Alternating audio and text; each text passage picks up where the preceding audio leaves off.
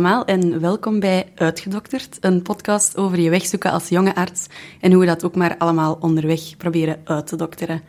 Ik ben Karen en ik neem je mee door verschillende thema's met telkens andere gasten, waarbij ik vooral de mens naast de arts wil leren kennen. En vandaag um, heb ik een keelontsteking, wat je waarschijnlijk ook wel even hoort op de opname, maar uh, dat maakt niet uit. We gaan gewoon... Uh, show must go on, zeggen ze dan. Uh, maar vandaag zit ik hier met Sophie.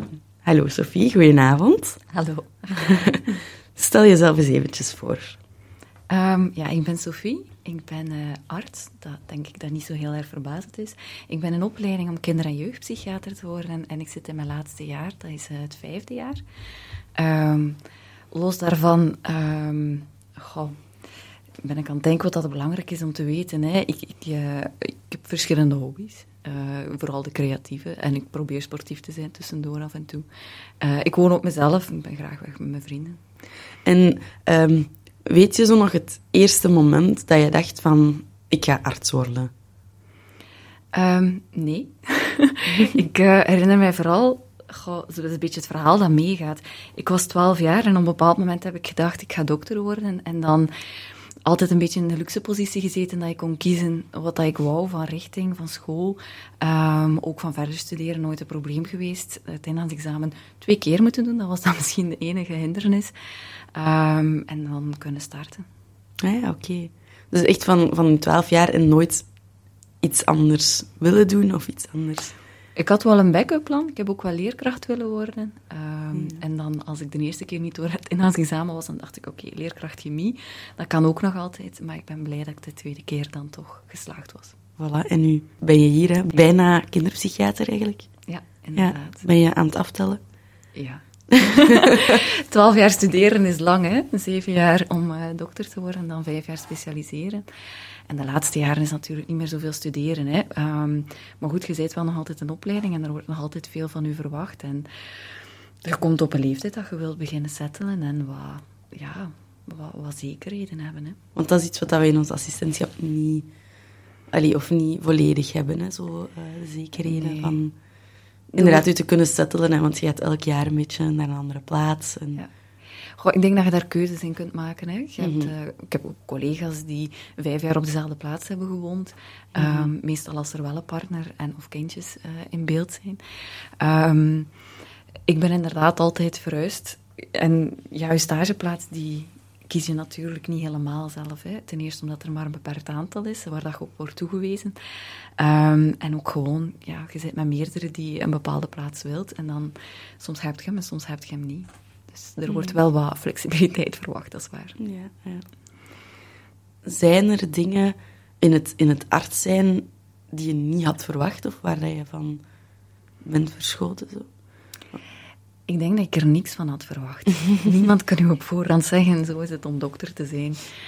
Um, ja, zoals ik al zei, op twaalf jaar heb ik gedacht, ik ga dat worden. En het is niet dat ik dan per se heb nagedacht van, goh, hoe zou het zijn om een dokter te zijn? Wat houdt dat in? Mm -hmm. En eigenlijk ook later daar nooit bij stilgestaan van, uh, wat, wat, wat, gaat dat precies inhouden? Wat ga ik dan doen? Je hebt altijd het klassieke beeld wel een beetje voor u.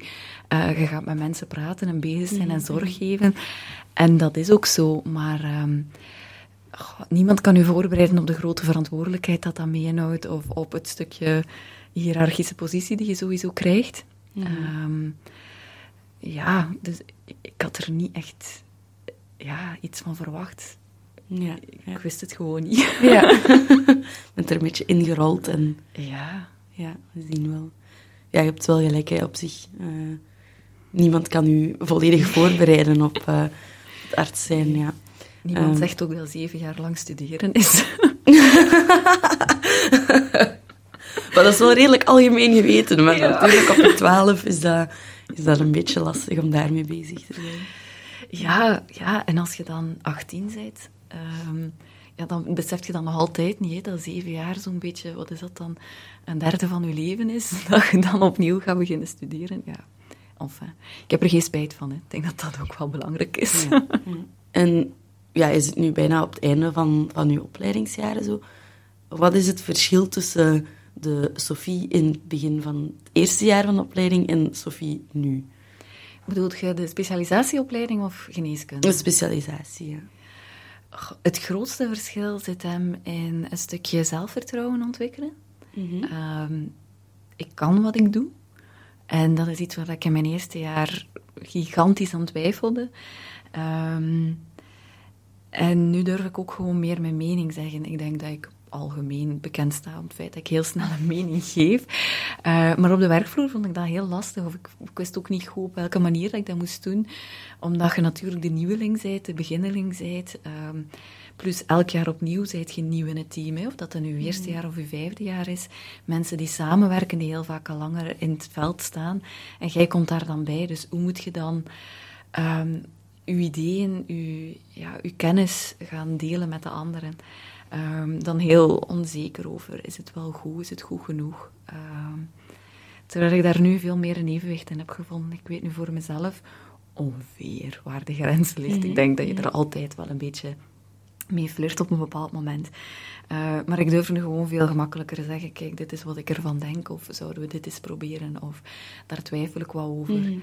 Uh, ook die twijfel aangeven, dat is ook wel een groot verschil. In het begin zei ik eigenlijk op alles gewoon ja, ja, ik doe dat wel, ja, dat zal wel, ja, dat komt wel in orde. Terwijl ik nu wel eens durf te zeggen, ho, ik weet niet of dat klopt, of ik weet niet of ik dat klaar krijg, of ik weet niet of ik dat de juiste manier vind van aanpakken. Dus voor mij is het grote verschil. Ja, een stukje zelfvertrouwen. Ja, ja. Oké. En zijn er dan specifieke momenten of zo, of, of ehm, personen misschien die u daarbij hebben geholpen om dat zelfvertrouwen te krijgen? Absoluut ja. Dat is eigenlijk heel gek. Um, maar dat heeft heel erg te maken met mijn uh, stage die ik in het buitenland heb gedaan, waar er toch een beetje een ander systeem is naar de ondersteuning van de assistenten. Mm -hmm. um, en waar dat wij een specifieke mentor kregen.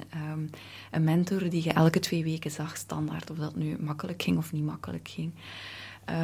en het is eigenlijk met die mentor, door daar wat frequenter mee te praten en ook heel vrijblijvend, Um, dat die thema's zo wat op tafel kwamen. van, god Sophie, waarom twijfelt jij zo aan jezelf? Mm Het is toch gewoon goed? En dan begon ik op te sommen, ja, maar nee, dit en dat en dit. En zo ging dat maar verder. En die heeft me daar een stukje inzicht in laten krijgen van... Um, je legt te veel druk bij jezelf. Goed genoeg betekent niet perfect. Um, en dan ook ja, wat specifieke thema's waar ik eigenlijk uh, jaar na jaar wel wat tegen opliep, die we toen gewoon een keer op tafel hebben gelegd. Um, en ik weet niet hoe waar en wanneer dat, dat veranderd is. Ik weet mhm. alleen dat toen ik stopte in mijn buitenlandse stage en startte op mijn nieuwe plaats, dat ik daar helemaal anders in stond. En misschien is dat met ouder worden, misschien is dat echt die gesprekken, misschien is dat, mhm. is dat ook een stageplaats die dan weer anders is. Maar voor mij blijft dat wel heel erg bij als het kantelpunt, dat ik die gesprekken met mijn mentor heb kunnen hebben. Ja, ja. Eerst wil ik het misschien hebben over het feit dat het niet zo evident was om iemand hier op de podcast te krijgen die bereid was om daar ook over te spreken, over uh, de moeilijke periodes en de, ja, weet je, noem het depressieve klachten, noem het burn-out, noem het, allee, wat je ook maar wilt. We zullen het misschien, uh, ja, ik weet niet hoe, dat we, het, hoe dat we het eigenlijk moeten noemen. maar uh, ja, ik denk dat burn-out zo wat de meest gangbare term is. Um, Burn-out of gewoon in het Nederlands opgebrand. Want opgebrand, ja. Is het gewoon... Het hoeft niet pathologisch te zijn, hè. Het, het hoeft niet mhm. direct een, label te krijgen, maar opgebrand definieert het ook eigenlijk wel. Ja. Oh ja, dat vind ik nu inderdaad wel een mooie, mooie term. Zo. Maar dus, ik heb een aantal collega's daarvoor gecontacteerd. Uh, en veel mensen zagen dat eigenlijk niet zitten. Um, dus ja, allereerst heel erg bedankt dat je dat wel zag zitten. Um, maar ook jij was daar wel wat terughoudend in, hè? Ja, goh. Dat, ja, ik denk sowieso. Hè. Het, het, blijft geen makkelijk thema om over te praten. En um, ja, een beetje wat ik daar straks al zei, die onzekerheid, hè, die ik dan mm -hmm. bij mezelf wel wat heb voelen evolueren. In mijn eerste jaren zou mij dat ook absoluut tegengehouden hebben om daar ook maar een woord over te praten dat is trouwens ook exact wat er gebeurd is. Ik heb er geen woord over gezegd. Um, ja, je, je bent ook bang, wat gaan de mensen van mij denken? Hè? Ze zien iemand die, die of ik denk dat ze iemand zien die doorzet, die haar best doet, die uh, probeert elke dag weer opnieuw er te staan. En dan uh, gaan er mensen plotseling horen dat dat niet evident is, dat dat niet vanzelfsprekend mm -hmm. is, dat dat met momenten ook het laatste is waar dat je kop voor staat. En um, ja, je wilt niet per se dat iedereen in je buurt dat weet. Um, dus ik, ik, snap dat ook wel, dat dat niet makkelijk is. Ik vind het zelf inderdaad ook niet makkelijk om dat te delen. Maar uh, ik zie het belang er ondertussen van in. Misschien had ik uh, mijn eerste jaren anders beleefd als ik uh, het verhaal van anderen had gehoord. Mm -hmm, mm -hmm. Dus je hebt dat doorheen de jaren dan wel doorgehad dat praten helpt. Dat is zo'n super cliché zinnetje, hè? maar ik durf het bijna niet zeggen zo op de podcast, maar dat is wel wat er gebeurd is dan. Absoluut, en praten helpt ook, um, maar op, een, op uw eigen tempo. Ja. En het hoeft niet therapeutisch praten te zijn. Mm -hmm. Mijn mentor was niet met een therapeut. Ja. Um, die was werkgebonden, werkgerelateerd, uh, bepaalde Mhm. thema's. Um, maar praten werkt, ja, het cliché is waar. ja, ja. Um, en wat zijn dan zo de drempels die, um, ja, die je waarschijnlijk zelf ook uh, een stuk hebt ervaren, die dat ook ja, nu misschien met komen praten op de podcast wel een beetje terugkomen? Hè? Ik kan me inbeelden dat dat een beetje dezelfde drempels zijn van uh, toen om de stap te zetten, om, om er iets mee te doen en nu. Mm -hmm. Een deel wel. Ik denk de grootste mm. verschillende nu is. Um, ja, is ook een beetje de reden waarom dat we de achternamen zo niet gebruiken. Mm -hmm. um, weten van de collega's en van de vrienden, iedereen die het moet weten, die kent mijn verhaal. Um, maar wat voor mij niet hoeft, is dat mijn uh, patiënten, cliënten, mm -hmm. de mensen waar dat ik zorg voor geef, dat zij dat allemaal tot in detail kennen. Dat, dat hoeft voor mij niet. Uh, mijn collega's tot een zekere hoogte, ja, maar die hoeven het ook allemaal niet in detail te Mhm. mm -hmm. weten. Weet je, op, op je werk, um, je moet daar ook staan. En dat lukt ook wel. En Mhm. mm -hmm. iedereen kan functioneren onder stress. Dus de drempel voor de podcast nu was voor mij van... Ik hoef niet per se dat iedereen op het werk en vooral de cliënten, patiënten weten hoe het er bij mij van binnen allemaal aan toe gaat. Mhm. Um, Vooral ja. andere mensen die dicht genoeg staan, die weten het al. Hè. Dus ik denk dat dat uh, wel belangrijk is. Wat er vroeger inderdaad meespeelde, en ja, maar ik zeg, voor mij is dat een stukje, ja, misschien toch wel wat gepasseerd. Zo de gêne van, wat gaat mijn directe supervisor mm -hmm. ervan denken? Um, mijn supervisor weet dat. Allee, of die weet wat dat er nodig is om te weten. Ik weet ondertussen dat ik dat moet beschermen, mijn draagkracht. Um, dus ik heb dat ook gewoon verteld. En in dat opzicht speelt dat nu minder mee. Ik ben minder mm -hmm. bang om beoordeeld of veroordeeld te worden op mijn werkplaats. Um, dat ik de zwakke assistent zou zijn. Ik heb ook al heel wat keren aan mezelf bewezen dat ik wel in staat ben tot bepaalde zaken. Um, en dat is wat dat wel in, het eerste, of ja, in de eerste jaren heel mm -hmm. erg meespeelde. Dat ik dat niet kon zeggen van... Ik ben goed genoeg. Dat, je zou mij dat nooit horen zeggen. Ja, ja. Dus een deeltje is dat overlappend met de weerstand aan de podcast. Ja. Uh, maar voor mij is het een deel ook verschillend. Dat is misschien de reden dat ik wel tot hier ben gekomen. Mm -hmm, mm -hmm. En de anderen niet. Dat, dat zij nog meer drempels ervaren. Maar ik snap het, hè, ja. want je wordt veroordeeld. Hè. Ja. Je bent te zwakke. Mm -hmm. Ja, waar heb je dan het gevoel dat je, dat je veroordeeld wordt? Of door wie? Of, of... Een groot deel blijft dat in uw kop zitten. Ja, maar... het is daarmee dat ik het vraag. Ja, allee, ik weet ja. Het is ook wel een beetje... Allee, het is ook wel een beetje de artsenwereld. Zo, hè? Tekens van zwakte zijn, allee, kunnen absoluut niet. Mm -hmm. um, allee, dat moet ook een beetje nuanceren natuurlijk. Niet altijd, niet overal. Mm -hmm. um, maar toch in veel disciplines wordt er wel van de arts verwacht dat je echt dat je stevig staat ook. Hè. Mm -hmm. um, naar patiënten toe, maar ook tussen collega's. Uh, Zeker. En, maar dat maakt denk ik een arts ook wel heel kwetsbaar om heel lang, heel mm -hmm. ver uh, over grenzen te gaan. Mm -hmm. ja. Als ik nu stil sta bij uw vraag van daar straks in, van waar merk je die veroordeling?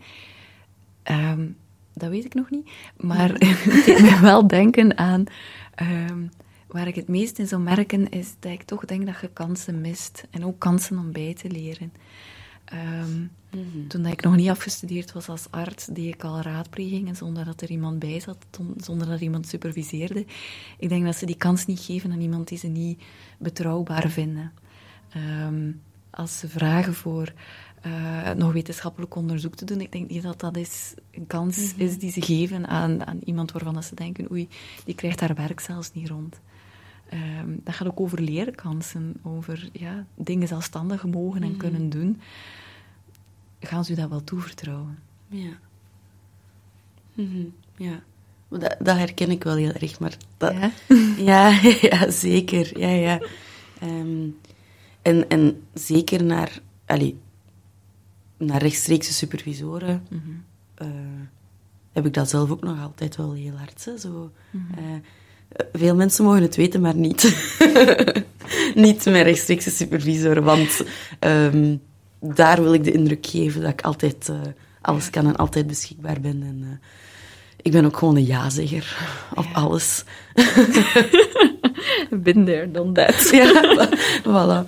Um, Anderzijds vind ik dat ook wel echt een mooie eigenschap. Allee, ik vind dat ook wel zo...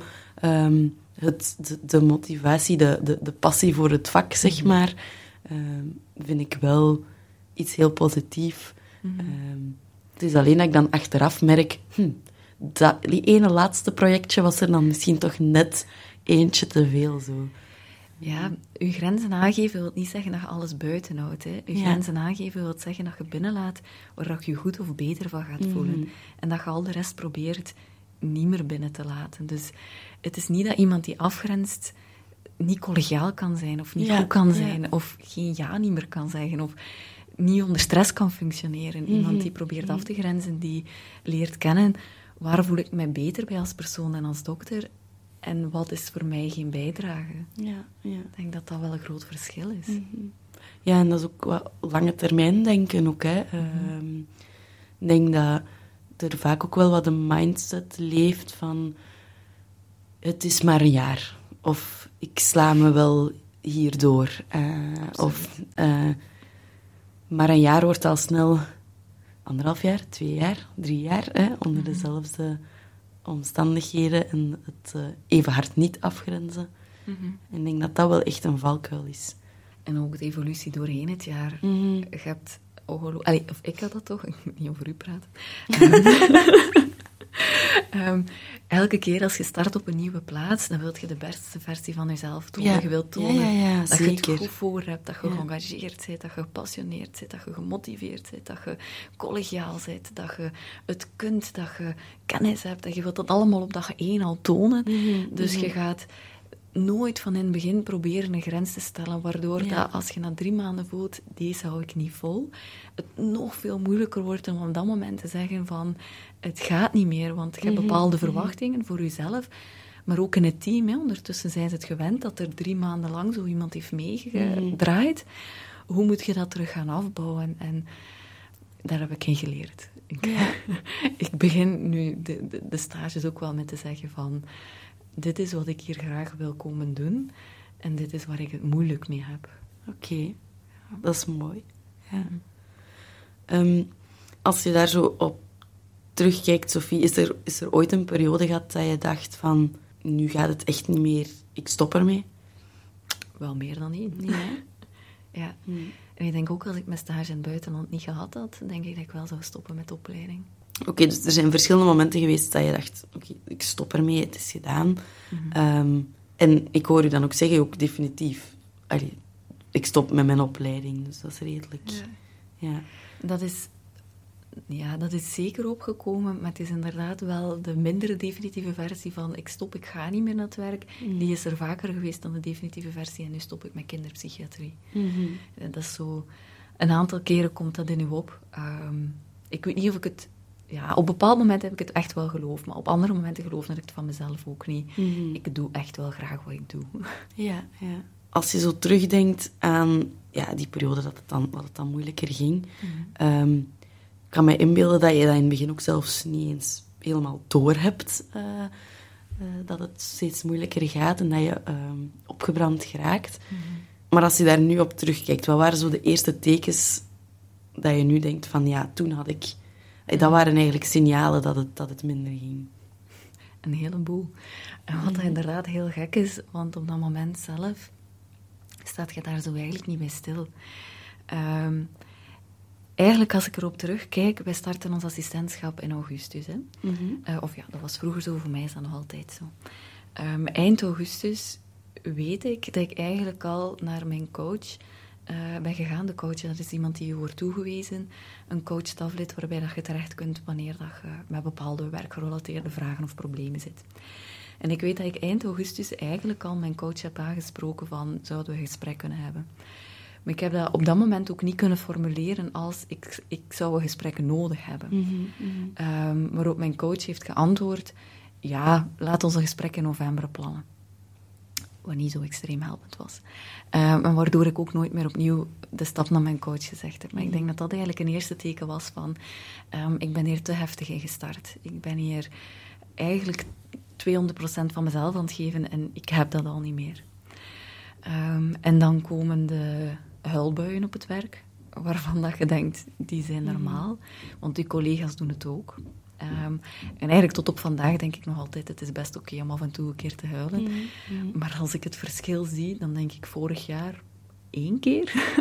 het jaar daarvoor drie keer. Het jaar daarvoor tien keer. Het jaar daarvoor vijftig keer. Dus um, daar zit wel een bepaalde graad in van wat dat je kunt toelaten of niet. Ja, collega's die je steunen, uh, dat helpt sowieso. Hè. Het moe zijn, die herinner ik me nog heel goed. Gewoon niet uit je bed geraken, uitgeput. U eruit moeten sleuren.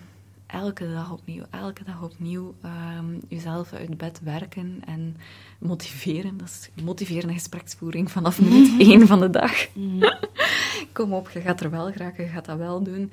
Kleed je gewoon aan, eet gewoon en je bent vertrokken. En dan op het werk ging dat wel weer. dan kom je thuis en dan kun je geen stap niet meer verzetten, krijg je het eten niet gekookt. Um, maar ook daarvan denk je, goh, ja, ik heb een zware job, hè, dus mm uh, dat hoort Iedereen zal dat wel hebben, dat zou wel normaal zijn. Voilà. En als je het dan rondvraagt, zijn er effectief heel veel collega's die het ook mhm. hebben. um, ja, wat niet wil zeggen dat we het moeten accepteren. Nee, nee, nee, nee, nee, nee, dat is waar. En pas op, voor korte periodes is dat, is dat ook oké. Okay. Ehm, je kunt best functioneren onder stress en je kunt wel een paar mhm. weken met wat minder slaap, dat, dat is oké.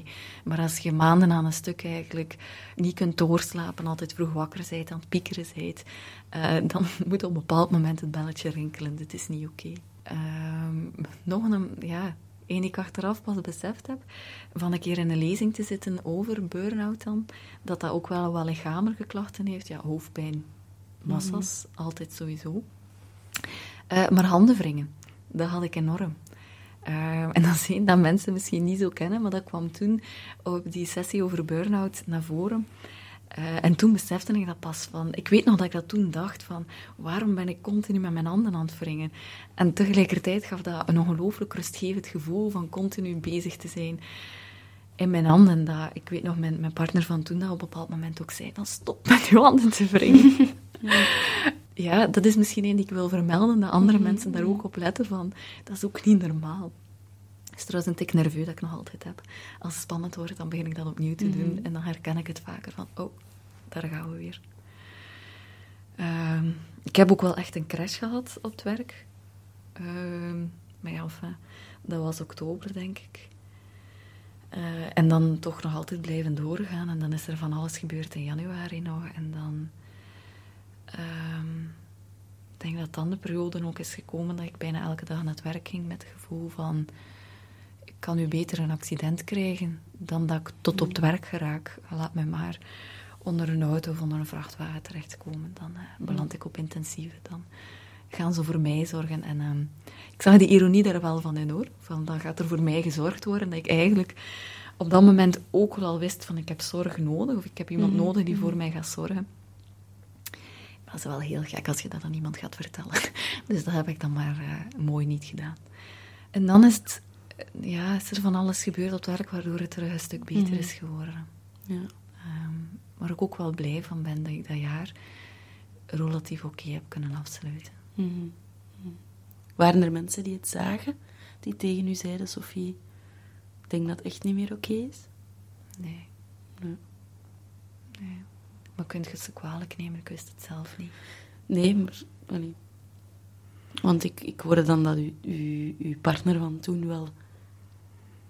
Tja, daar speelt dan privé ook een heleboel mee. Hè. Ik- Ja. dat- Maar goed, dat zal misschien ook wel herkenbaar zijn eh, voor andere artsen, is dat je, je combineert een job met een privéleven. En, eh, maar je verandert ook als mens. Dus ik denk, wij waren al uit elkaar aan het groeien doorheen het laatste deel van onze studies heen. En dat jaar, hè, mijn eerste jaar als assistent, heeft dat zeker versneld. Maar ik denk niet dat dat de enige oorzaak is geweest. Dus op zich waren wij op dat moment ook al niet meer helemaal afgestemd op elkaar. Ehm, en ik heb het ook niet gezegd. Ik heb het ook niet toegegeven aan mezelf. Ja, voilà. Ja. Je moet het eerst tegen jezelf kunnen zeggen dat het echt niet goed gaat, eh voordat je dat ook tegen anderen... Ik ben, ja, ergens... Ik ben wel ene keer naar de huisarts gegaan. Dat heel grappig was. Alleen grappig, een beetje ironisch eigenlijk. Je gaat er dan naartoe. En dan heb ik verteld dat ik zo moe was. Moe, moe, moe. Echt op. Ehm, en dat ik dacht dat het wel door met de stress te maken had. Ehm, en allee, op puntje van, ik ga het allemaal verliezen. Waarop eh, de huisarts zei, zouden we toch niet je bloed eens controleren? Ah ja, oké. Daar zit je dan, hè. je neemt dan die stap. En ik denk dat die huisarts dat heel, heel goed bedoelde. En tegelijkertijd ook wel wat zei van, ja, als je hulp nodig hebt, je kent de wegen, hè, want je zit zelf in de psychiatrie, dus eh, contacteer die maar. En ik weet nog dat ik nadien zoiets had van, goh, ah ja, oké, dit is behoorlijk waardeloos. Ehm, nu weet ik dat mijn ijzer oké is. Eh, en dat ik ergens een CMV-infectie heb gehad, mogelijk in het afgelopen jaar. Eh, maar ben ik nog altijd geen stap verder. Maar blijkbaar is dat op dit moment ook niet nodig, want dat is dan het gevoel dat je krijgt van... Als het biologisch nog oké is, dan moeten we geen verdere stappen nemen. Tenzij dat je zelf die stap wilt zetten. Ja, nee, daar was ik niet, eh, niet klaar voor om zelf die stap te zetten. Wat had, je, wat had je gehoopt dat ze ging zeggen? Stop het. Stop met werken, blijf thuis. Ja. Iemand u dwong eigenlijk om eraan te. Dat iemand de beslissing in mijn plaats Ja. nemen. Ja. Mhm.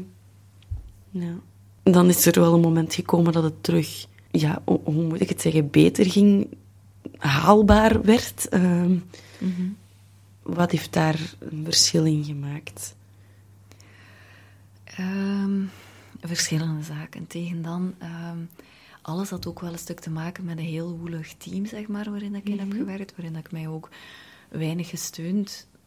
Ik, weet niet, ik weet zelfs niet of dat klopt. Door bepaalde mensen wel, maar het team als, als geheel werkte gewoon niet. Ehm, en dat is echt nodig als je, als je aan het leren bent. Dus tegen het eind van het jaar was daar een stuk meer stabiliteit in. Je kent de mensen ook beter, je vertrouwt hun meer. Zij vertrouwen u meer, ze kennen u ook beter en jij hun ook. Waardoor dat, eh, ja, het afspreken wat meer vanzelfsprekend is. Een supervisor die wat daadkrachtiger werd. ehm, dat heeft ook een stuk geholpen dan privé. ehm, ja, die relatiebreuk eigenlijk. Dat is heel gek. Hè? Je ziet er wel vanaf. Lang en hard en pijnlijk. Maar tegelijkertijd gaf dat ook een opluchting van... Daar hoef ik me niet meer mee bezig te houden. Ja, stabiliteit, rust. Een plekje voor mezelf, terug alleen gaan wonen. Rust. Ja. Ja. Oké. En dan de ervaring in het buitenland, het jaar daarna. Dat was Twee jaar daarna. Ik heb Twee jaar twee jaar daarna, daarna daarover gesproken. Ja, ja. Tot dan toe is het eigenlijk... eh, wat ik nu allemaal vertel, Ja? dat heeft niemand in de eerste twee jaar geweten. Dat Ja. is dan hoe het gaat, hè. Ja, maar ja, het is wel, eh, het is wel opvallend, hè? twee jaar na datum. Ehm, ja, dat, dat er iemand luistert, slash dat je er zelf mee komt. Zo. Ook wel een stukje ermee overvallen, hoor. Ik ging dan Ja, terug in een gelijkaardige omgeving staan als mijn eerste jaar. En mijn supervisor die stelde de juiste vraag, denk ik. Van, die zei van, ik zie dat je er wat tegenop kijkt. Of zoiets in de aard. Ehm, waarop ik beginnen wenen ben. Ja, dan kon je niet meer anders. Nee, nee, dan kon ik niet anders. En dan hebben we daarover gebabbeld. ehm, en dan met mijn mentor verder bekeken van wat betekent dat nu eigenlijk allemaal. En dan het voor de eerste keer allemaal eens gezegd. En daar ook heel veel erkenning en steun voor gekregen. Want daarvoor wist ook en niemand op het werk, maar ook niemand van uw vrienden, niemand in uw Die omgeving. wisten wel van, het is moeilijk. Ik Ja. denk dat die vooral ook die relatiebreuk hebben gezien. Oké.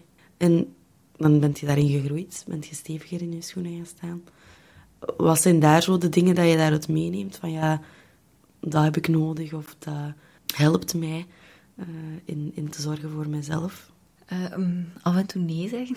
Ja, Zoals dat er straks over Sa- had. wacht, eh, ik ga dan even noteren. Vooral doen. Ehm, af en toe nee zeggen, maar dat ook eh, met een supervisor wel bespreken van waarom nee zeggen. Ehm, dat wel, van het een stukje open te trekken. Ik heb eigenlijk de ervaring ondertussen dat je aan heel veel supervisoren kan aangeven, het gaat even niet goed.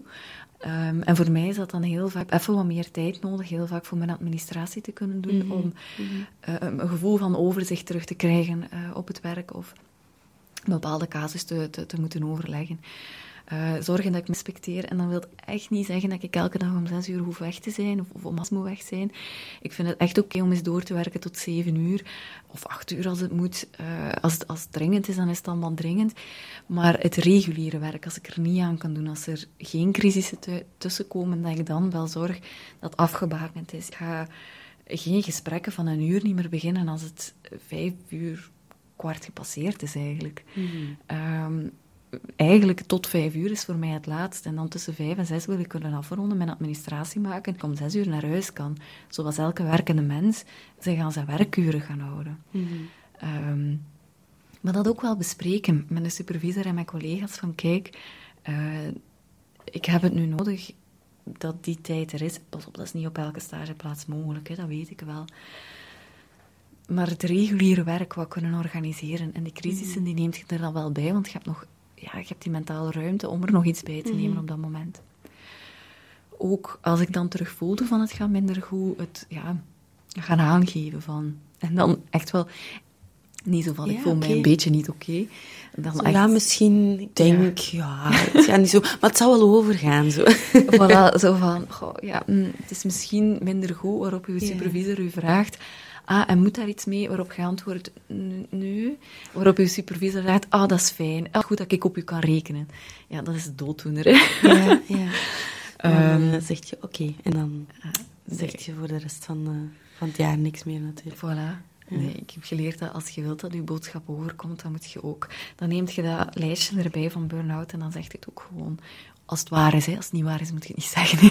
Moet niet liegen. Maar als het waar is, dan moet je het eerlijk zeggen van...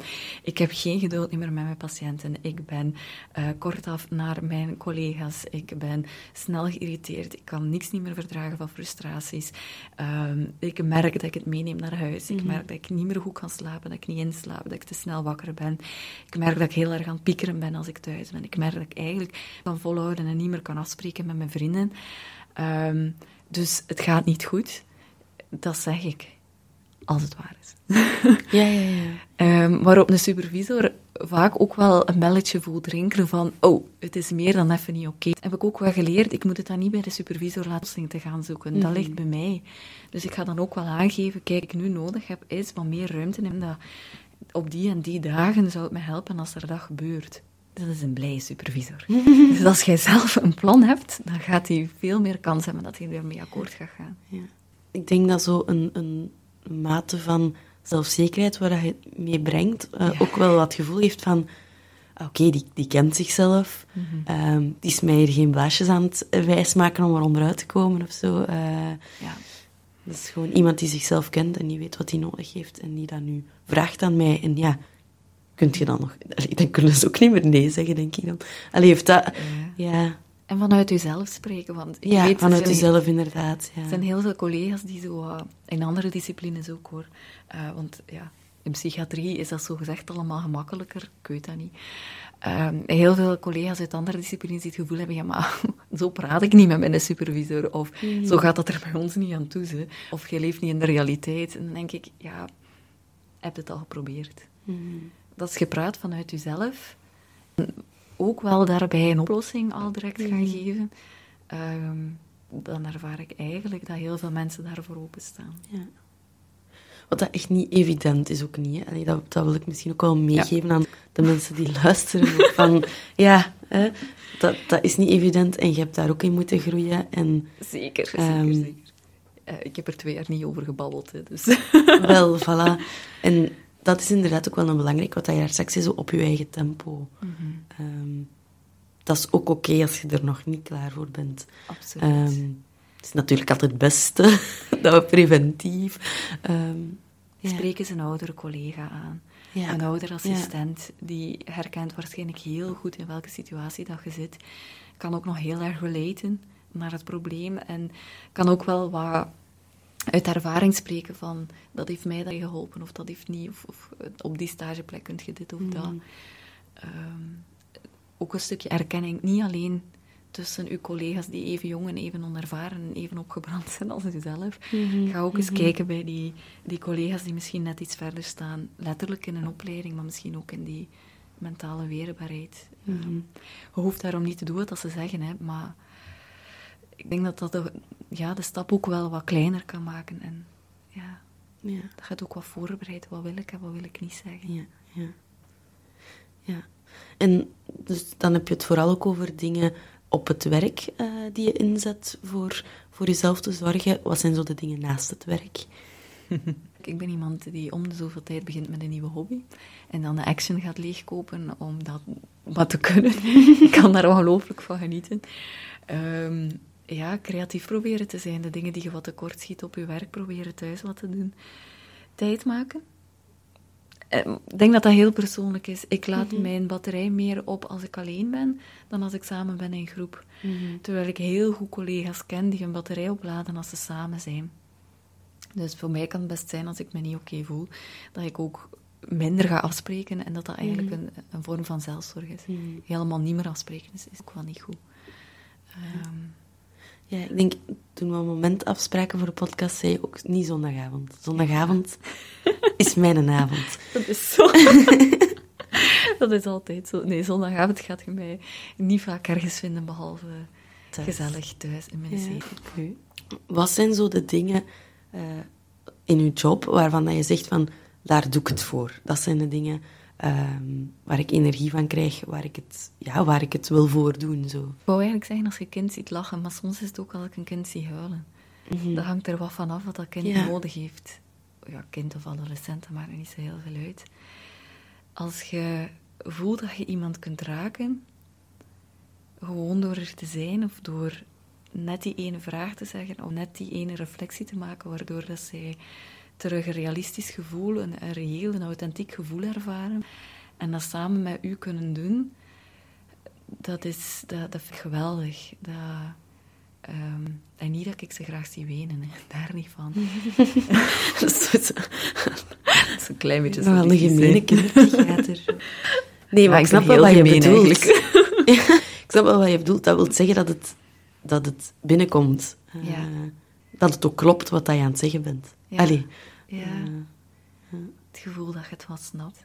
Hetzelfde met ouders ook hoor, als die kunnen aangeven van eh, ja, het is helder geweest of zo, of je hebt een stapje verder kunnen helpen. En dan heb ik het echt niet over de oplossing kunnen betekenen, want ik moet zeggen, in, in mijn assistentenjaren gevolgd de patiëntentekort, ik heb nog niet heel veel jongeren gezien die effectief ehm, het beter stellen. dat is een beetje deprimerend, maar... Nee, maar allee, om dat inderdaad te nuanceren, het duurt sowieso een langere periode binnen kinder- en jeugdpsychiatrie om tot herstel te komen. Ehm, Dat is anders als eh, iemand die zijn been breekt en op spoedgevallen een gips wordt aangelegd en dat is in orde. Voilà. Ja, van, Voilà. Ja, ja, ja. Maar het zijn dan meer de kleine dingen zo. Hè? Als je... Kleine dingen Ja. in ons vak. Ja, maar tegelijk vind ik dat ook wel echt de hele mooie dingen. Ehm, zo, ik was van de week, eh, kwam ik in een, in een leefgroep waar ik een jongetje eigenlijk een heel jaar heb gevolgd.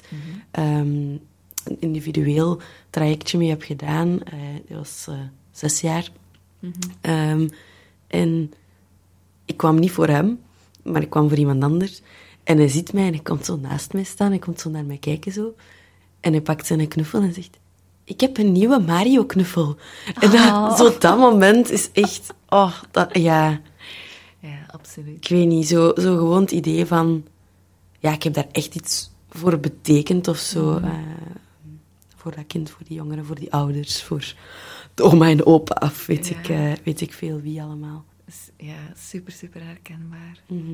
Toen ik wegging van mijn buitenlandse stage, ehm, had ik een boekje gekregen dat de leefgroepleiding samen met de jongeren had gemaakt die daar opgenomen waren. En die hadden allemaal een briefje geschreven ehm, over mij als hun dokter in de opname. Oh, En dat was... Dat kwam binnen. blij toch? Dat is een van de drie huilbuien van vorig jaar. Ehm, dat, dat komt echt binnen, maar ja, blijte nee. Ik had er echt een lach op mijn gezicht. Ja, ja. En niet omdat ze allemaal schrijven, je bent de meest fantastische dokter van de wereld. Hè. Hetgeen wat dat mij het meeste geraakt heeft, is een jongere die schreef van... ehm, ik heb bij jou het gevoel dat jij mij misschien een beetje begrijpt. En dan denk ik, wauw, fantastisch. Dat is, allee, beter kan het niet worden. Ja. En dan iemand anders die een werkje heeft afgemaakt dat samen zijn begonnen. Wat dat super fijn is voor iemand die depressief is, die enkel maar denkt aan dood willen zijn, die de, de, de afdeling van wat zou ik kunnen ondernemen, die dan wel de moeite en de energie steekt in dat stom werksken afmaken dat je samen hebt gedaan, omdat hij graag wil dat je dat meeneemt naar huis. dat, die momenten. Oké. En ehm, ja, je hebt dan een hele weg afgelegd, hè, van eerstejaars tot nu vijfdejaars. Is het, ehm, is het af, te werk? Eh, Nooit. Ehm, ik denk dat ik op, op een punt ben gekomen van ik ben tevreden met mezelf als arts. En dat is af. Is dat elke dag, elk moment, elke seconde? Nee, natuurlijk niet. Er zijn nog altijd momenten dat ik gigantisch twijfel aan mezelf. Zeker tijdens de wachtdiensten als je een extreme verantwoordelijkheid krijgt. Goh, ondertussen is mijn missie ook een stukje met jongere collega's stimuleren om te praten. Ehm, om niet over hen heen te laten lopen. Het is niet omdat je nog jong en fris bent dat je eh, je moet laten opbranden. Ehm, en ik denk, ja, de volgende grote stap als zelfstandige beginnen of, of geassocieerd. Ehm, dat, dat wordt ook weer spannend. En ik hoop ondertussen dat ik genoeg in mijn eh, gereedschapskistje zitten heb om aan de slag te kunnen gaan. En dat ik ehm, daar waar ik geen supervisor niet meer heb om daarmee over te waken, toch mijn grenzen blijf weten liggen. Dat ik ehm, ja, op een plaats terechtkom waar dat, eh, ja, babbelen mogelijk blijft. Want op zich, soms staan we daar niet bij stil, maar een supervisor hebben, als dat een goeie is, is ook een bescherming. Die doet mee uw job en die ehm, is een stukje verantwoordelijk voor u. En ik denk dat er misschien heel veel mensen uit andere disciplines dat niet zo ervaren, maar een goede supervisor dient dat te doen. Ja. Dus ja, is het af? Nooit. Nee, het is eh, blijven groeien, blijven leren. Elke dag opnieuw eigenlijk. En- Ja. Maar ook af en toe kunnen zeggen, het is, het is ook wel goed genoeg. ja, ja. Ik ben tevreden. Ja, en ook, ik mag me ook wel eens een dag slecht voelen. Allee, maar ja. denk dat dat... ja, maar ik kan me inbeelden als je eh, ook wel best diep gezeten hebt, dat het minste signaal soms al ja, angst kan aanjagen of... of eh, ik weet het niet, hè. Ja. Ja, ja, nee. Ja. Ik moet eigenlijk zeggen, wanneer dat ik mij minder goed voel, dan heb ik minder toegang tot mijn gereedschapskistje. En dan komen Ah, die ja. oude gevoelens van, ik moet presteren en ik mag niet tonen dat ik zwak ben. En ik mag niet, komen eigenlijk meer terug naar boven. Hmm. Minder weerbaar daar terug tegen. Dus Mhm. ik denk, ehm, dat, ja, dat, dat, blijft, dat blijft echt oefenen. Het is echt een stukje meer preventief. Ik zeg het, meer het reguliere werk goed verdeeld krijgen, zodat je die stress aan kunt en een stukje kunt dragen. Mhm, Ja. En heb je dan nu ook zo het gevoel van, oké, de work-life balance op dit moment is oké voor mij? Of Dat hangt van week tot week. Maar globaal gezien, ja, ja voldoende. Ja, Ja. Oké. kan altijd beter. Ja, dat weet ik niet. eh. dat is ook heel verschillend, denk ik. Hè. Eh, ook qua ehm, wat dat je belastend vindt in je job en, en wat dat je minder belastend vindt in je job. Ik denk dat er ook veel mensen zijn die ehm allee, 12 uur per dag kunnen werken. Als dat 12 uur lang dingen zijn die ze graag doen en die ze energie geven. Ehm, Ja. Daarmee, daar, daar, het ligt niet in het aantal uren, hè? Nee, nee. nee. Het ligt niet in het aantal uren, het ligt niet in het aantal patiënten. Um, nee, dat, het is altijd een stukje van jezelf ook. Hè. Je wordt mhm. geboren zoals je zei. Hè. Ik bedoel, je hebt maar een bepaalde draagkracht. Het heeft met van alles te maken. Mhm, mhm. Niet per se met uren, nee. Ik kan dagen hebben dat ik op een wacht... Ja, 15, 16 uur aan een stuk aan het werken ben en misschien zo een paar boterhammetjes tussendoor heb gegeten. En dat ik op het einde denk van goed bezig. Hè. Dat, dat, het is niet dat ik dan op het einde van zo'n wacht direct in elkaar zak en denk van, oh nee, daar is het terug. En, Ja, nee, nee, dat lukt wel. Oké. Het, is wel, het is wel mooi om te zien, zo, de, de groei dat je dan allee, daar toch door hebt gemaakt. Um, ik denk dat het alleen maar jonge collega's stimuleert om uh, ja, ook, ook aan de slag te gaan hè, en om uh, die stap toch te durven zetten. Uh, ook al is het dan heel moeilijk. Dus ja, ik ben heel blij dat je ook op de podcast bent gekomen. Nee, maar ik meen dat wel oprecht. Dat ik echt wel denk dat dit een belangrijke aflevering is naar jonge artsen toe. Ik weet niet of dat je zelf graag nog een, een boodschap brengt naar jonge artsen. Dat je zelf nog belangrijk vindt om mee te geven. It's, it's your moment. Oh yes, my time to shine. Ehm, ik voelde de vraag precies al wat komen, dus ik was er al wat over aan het nadenken. Want er komt zoveel in mijn hoofd binnen hetgeen wat ik nu eigenlijk denk is, eh, ik, hoop hè, voor de andere disciplines, want ik weet, ik ben ondertussen vijf jaar in opleiding psychiatrie, uh, ondertussen babbel ik graag en veel en uh, heb ik een ander idee misschien over hoe de mm. mensen werken. Ik hoop dat voor de andere disciplines het niet irrealistisch klinkt, dat het, dat het is alsof dat, dat enkel maar op psychiatrie mm. mogelijk is, mm. omdat er enkel maar daar gebabbeld wordt. Um, gegroeid. Hè. Met ouder te worden krijg je meer kennis. Dus je, het gaat sowieso makkelijker worden voor iedereen van ons. Uh, want ja, je verantwoordelijkheidsgevoel, dat wordt ook makkelijker te dragen als je, als je meer weet, als je ouder wordt. Hè. Dat is onafhankelijk van de discipline. Maar ja, wat ik eigenlijk wil zeggen is... Um, je bent niet volledig machteloos als assistent, ook al voelt je dat soms. Mhm. Ook al heb je het gevoel met een supervisor die luistert niet en er wordt nooit een planning aangepast. Ook dan kun je aan de slag met kleine dingen die het op het werk haalbaarder maken. Door kortere verslagen te maken, door niet meer na te lezen en laat die spelfouten maar staan, who cares. Um, of uw supervisor leest het na en vindt het belangrijk, of hij leest het niet na en dan vindt hij het ook niet belangrijk en dan maakt het ook mhm. niet uit. Um, je hebt wel dingen onder controle door te zeggen: ik ga eten vandaag. En dan mag je supervisor je agenda zo vol zetten. Dat zijn dingen die je wel kunt doen. Um, en ik denk dat we daar soms misschien wat te veel in verloren lopen. Dat we, mhm. zeker als we ons niet goed voelen, het gevoel hebben: alles wordt voor ons beslist. Dat is niet waar.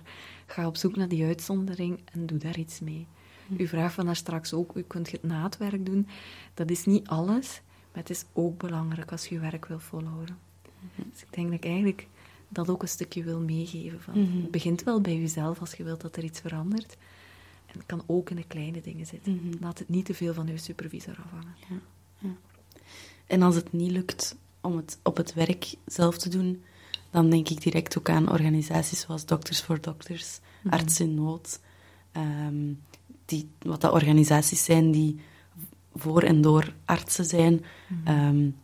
Waar je zeker ook een luisterend oor kan vinden. Eh, dus ik vind dat zeker ook nog wel belangrijk om mee te geven. Ehm, en misschien ook wel, want we hebben het er kort wel eventjes over gehad, uh, maar dingen zoals de zelfmoordlijn 1813, mm ehm, denk ik dat ik ook niet anders kan dan vermelden op de podcast. Nee, maar allee, ik, ik, ja, uh, dat is niet meer als normaal, denk ik. Mm allee, het is niet, niet normaal als je met uh, die, dat soort gedachten mm -hmm. zit. En dan is het belangrijk om daar met iemand over te praten. Mm -hmm. Oeh. is ja. heftig, hè? Ja. nee, ja, ja, ik denk dat we daar wel... Allee, dat we daar alle twee ook wel redelijk open in zijn om over zo'n dingen ja, te spreken. Zeker, um, en ik hoop dat, daar, uh, dat er alleen maar meer mensen meer open uh, erover gaan zijn. Mm -hmm. Maar goed, dan zijn we aan het einde van de podcast gekomen. Um, ook aan het einde van de reeks van de podcast. Hè. Dus was mijn laatste gast. Dus bij deze wil ik u nog eens bedanken, maar ook alle gasten uh, die, uh, ja, die te gast zijn geweest.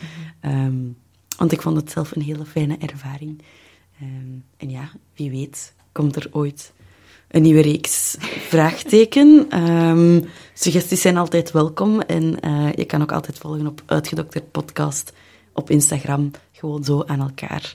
Um, en voilà, dan zien we misschien elkaar nog een keertje terug. Of horen, we, horen jullie mij een keertje terug, want ik hoor jullie niet. um, maar nee, zorg goed voor jezelf en uh, tot de volgende keer.